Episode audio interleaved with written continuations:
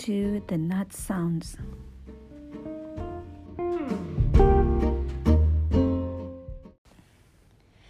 Halo, selamat malam.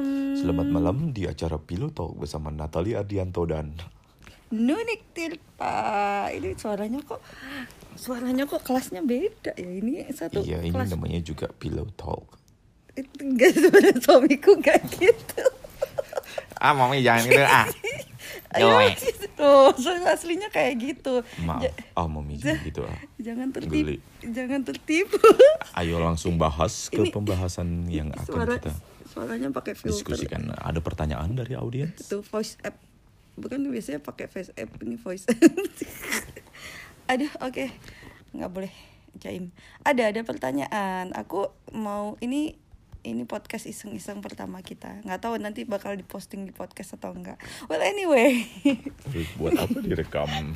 direkam direkam buat kenang-kenangan.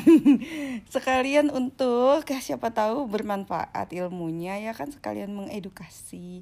Jadi kan aku tiap hari dapat banyak banget DM DM curhat-curhat gitu kan. Nah, ya udah biasanya tuh kadang aku bahas aja berdua sama suami sebelum terus akhirnya aku bales-balesin.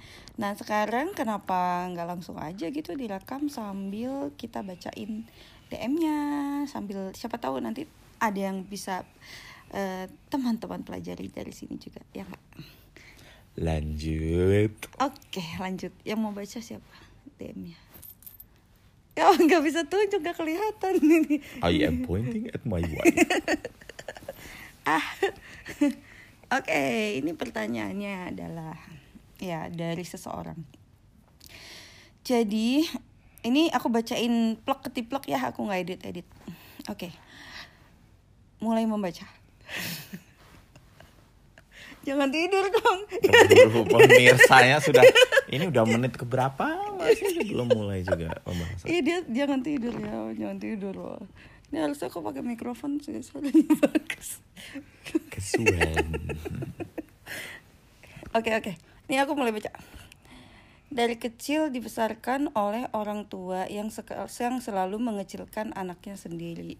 Sampai sudah kawin dan punya anak pun selalu berucap bahwa anak-anaknya ini tidak mampu berdiri sendiri.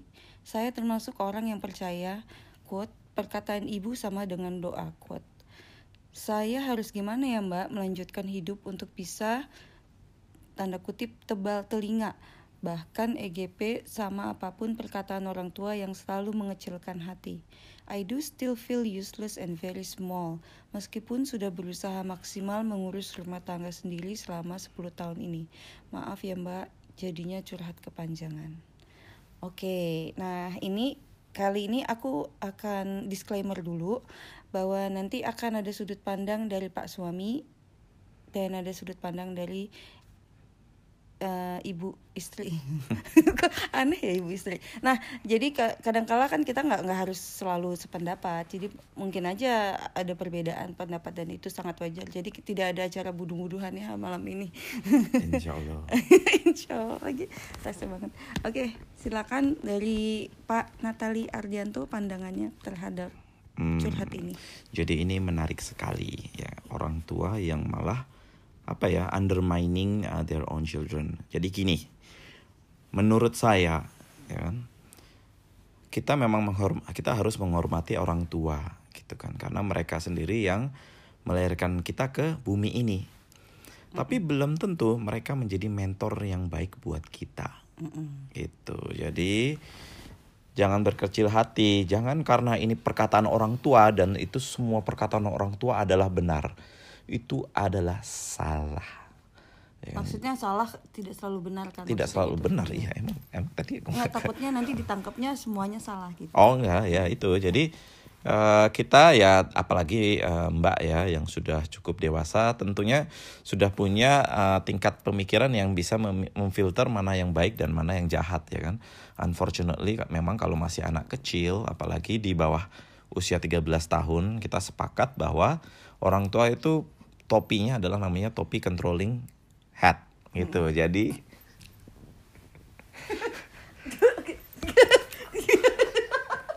sebentar ini istri melakukan sesuatu yang saya tidak sukai. Oke, sebentar. Wih. Ini gagal total. Orang lagi sedih. Masa kita ketawa. Maaf ya Mbak ya. Jadi gini, eh, orang tua kan controlling head ya kan 13 tahun ke bawah. Kenapa? Karena kata istri saya itu prefrontal cortexnya belum siap gitu. Jadi memang belum tahu apa yang baik dan yang jahat gitu. Tapi menurut saya Mbak sudah mencapai usia yang uh, sudah cukup matang sehingga Anda bisa jauh lebih bijaksana gitu. Jadi uh, saya juga suka kata-kata istri ya kan. Siapa sih yang in control of your life ya kan? Menurut saya kata-kata orang tua itu itu is not under your control. Betul. Ya, tapi yang under your control adalah gimana Anda Bereaksi. bereaksi, menangkapnya, menerimanya. Kalau didengerin, ya itu bukan salahnya orang tua ya salahnya anda karena anda sudah cukup dewasa untuk mengfilter ya kan dan ya tapi gitu tetap tetap hargai hormati tapi mungkin ya co- coba juga dibuka uh, pembicaraan ya kan karena menurut saya apa yang orang tua lakukan itu karena dia memiliki feeling saya ya memiliki kepahitan jadi dia menurunkannya ke Anda gitu. Jadi mungkin orang tuanya dia melakukan hal itu ke orang tua Anda. Jadi orang tua Anda tidak break the chain dan malah menurunkannya ke Anda. Nah, hati-hati jangan sampai Anda malah nanti menurunkannya ke anak Anda. Jadi kalau Anda sudah tahu ini sudah tidak healthy, tidak bagus, tidak positif, ya jangan didengerin ya kan. Terus ya mulai cari mentor apa dong parenting ya mentor orang tua yang Iya, baik itu menurut saya semoga saya tidak bertolak belakang dengan istri saya Tidak, tenang saja. Jadi memang eh, betul tadi apa yang dikatakan Pak Natali. Memang benar. Nggak, jadi gini, eh, kalau dari dari pandangan saya sendiri itu tidak eh, begitu jauh berbeda dengan Natali bahwa memang em, ap- bagaimana cara orang tua mendidik kita, bagaimana cara orang tua membesarkan kita itu adalah sesuatu yang di luar kontrolnya kita karena ya kita nggak nggak bisa mengubah atau mengatur. bisa milih orang tua. Tidak bisa satu kita tidak akan mungkin bisa memilih orang tua. Ah aku mau dilahirkan oleh eh, Michelle Obama atau siapa gitu yang yang eh, apa namanya kelihatannya ideal gitu ya. Tapi eh, kita kan selalu bisa me- mm, apa ya memilih bagaimana kita me- merespon itu. Apakah misalkan ketika orang melemparkan batu ke kita apakah kita mau menjadikan batu itu sebagai batu sandungan atau batu lompatan? Gitu. Jadi mau batunya ki- bikin kita tersandung atau mau batunya bikin kita eh, melompat lebih tinggi lagi itu ada di dalam kontrolnya kita. Nah kenapa nggak itu aja yang kita eh, benar-benar perhatikan ketimbang selalu nanti pada eh, akhirnya kitanya capek sendiri karena em, orang lain berperilaku yang tidak sesuai dengan harapannya kita gitu. Nah terus juga em, tadi be- benar kata Natali bahwa dilihat dulu ya. Nah orang tua kan biasanya aku yakin nih kalau karena aku belajar dari NLP ya juga bahwa se- semua orang pada dasarnya adalah baik. Apa pun itu yang dilakukan menurutnya dia adalah baik gitu ya. Nah, kalau menurut orang lain jahat ya memang mungkin pemahamannya berbeda gitu. Nah, jadi coba ditelisik lagi, dipahami mengapa orang tua mau orang tua memperlakukan kamu seperti itu. Apakah ketika kalau dilihat lagi di di urunan dari pohon keluarganya dia, dia juga mm, diperlakukan seperti itu oleh orang tuanya. Kemungkinan besar sih seperti itu. Dan kalau udah bisa mengerti dan memaafkan, itu rasanya malah bukannya kesel, tetapi justru rasanya malah kasihan gitu. Nah kalau udah kasihan, jadinya kita nggak ada rasa benci atau resentment lagi atau jadinya kita jadi nggak percaya diri lagi bukan gitu. Jadi nggak. Iya, jadi tapi justru lebih mengasihi gitu. Jadi kalau kalau udah paham itu, kita justru jadi kayak mau meluk gitu ya, jadi sama orang tua karena justru kita tahu. Nah, kalau udah tahu itu ya itu benar break the change itu yang break the chain itu ya cukup cukup akarnya itu cuman sampai di eh, di kamu aja. Jangan sampai diturunin ke anak karena eh, ya itu biasanya tuh berulang kan gitu. Jadi paling enggak karena kalau udah tahu diperlakukan seperti itu tidak enak jangan memperlakukan itu lagi ke anak gitu. Nah ini masalah yang apa I do still feel useless and very small. Meskipun sudah berusaha maksimal mengurus rumah tangga sendiri selama 10 tahun ini ya itu wajar. Karena kan diperlakukan seperti itu kan sampai dewasa ya. Itu itu wajar. Wajar banget maksudnya uh, jangan udah mengakar juga. Iya dan udah mengakar betul. Dan uh, itu pertama-tama harus diakui dulu bahwa kamu tuh terluka.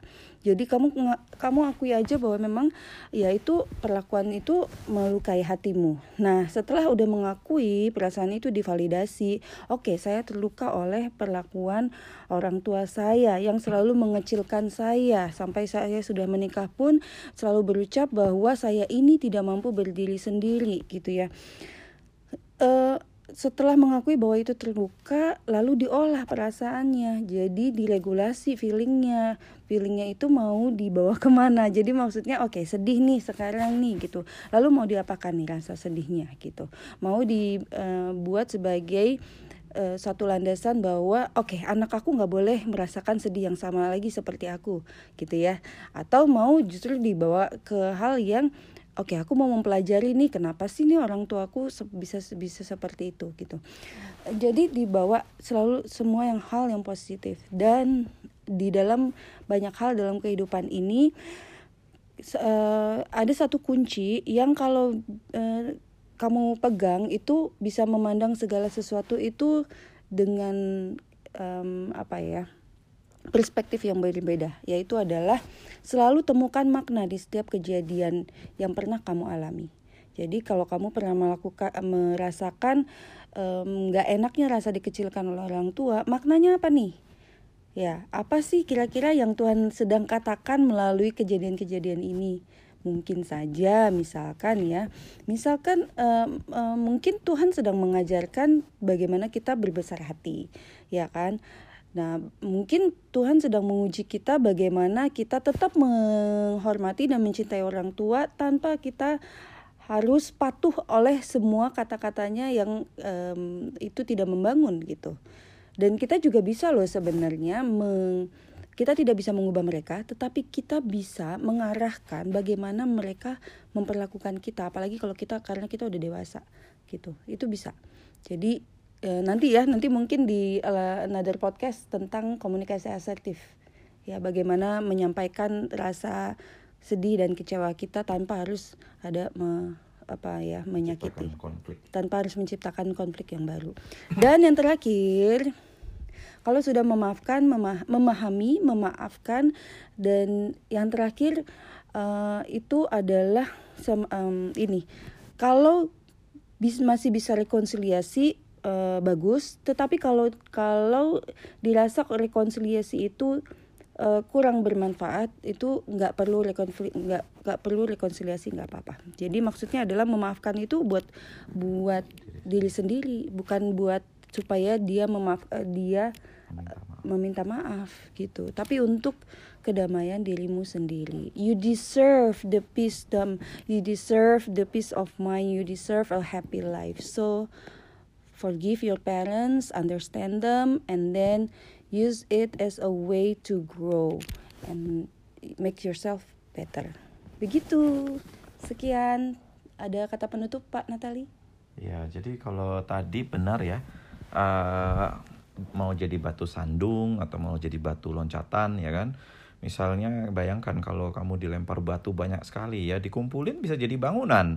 Betul. tapi kalau kita menganggapnya wah batu ini jahat ya kita akan merasa sakit dan ya terluka gitu ya. Jadi saya juga banyak ketemu sama mentor-mentor yang luar biasa yang biasanya oh, mentor-mentor luar biasa itu itu tercipta dari luka yang sangat dalam ya kan? Jadi ada yang pemarah terus dia bisa menyembuhkan diri dan dia bisa menjadi mentor tentang caranya untuk ya menjadi orang yang sudah tidak pemarah lagi ya kan? Dan apa banyak gitu. Jadi da, jadi jangan membayangkan luka-luka ini nih akan menjadi apa dong eh, bekas yang buruk ya.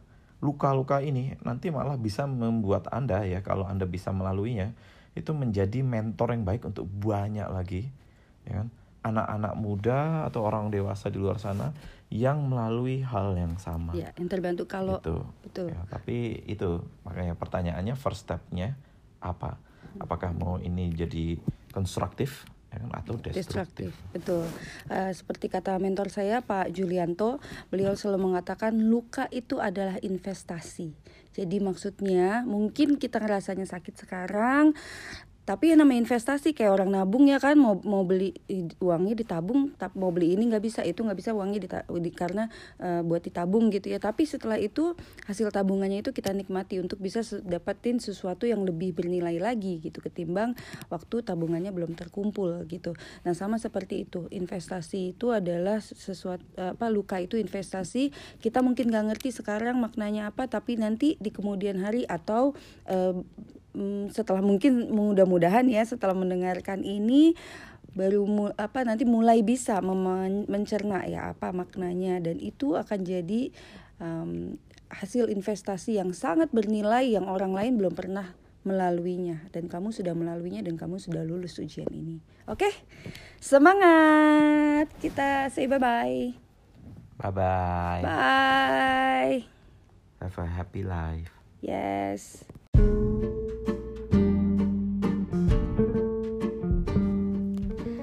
Thanks for listening. Don't forget to follow me on Instagram Nunik or read my blog at nunik.com. See you.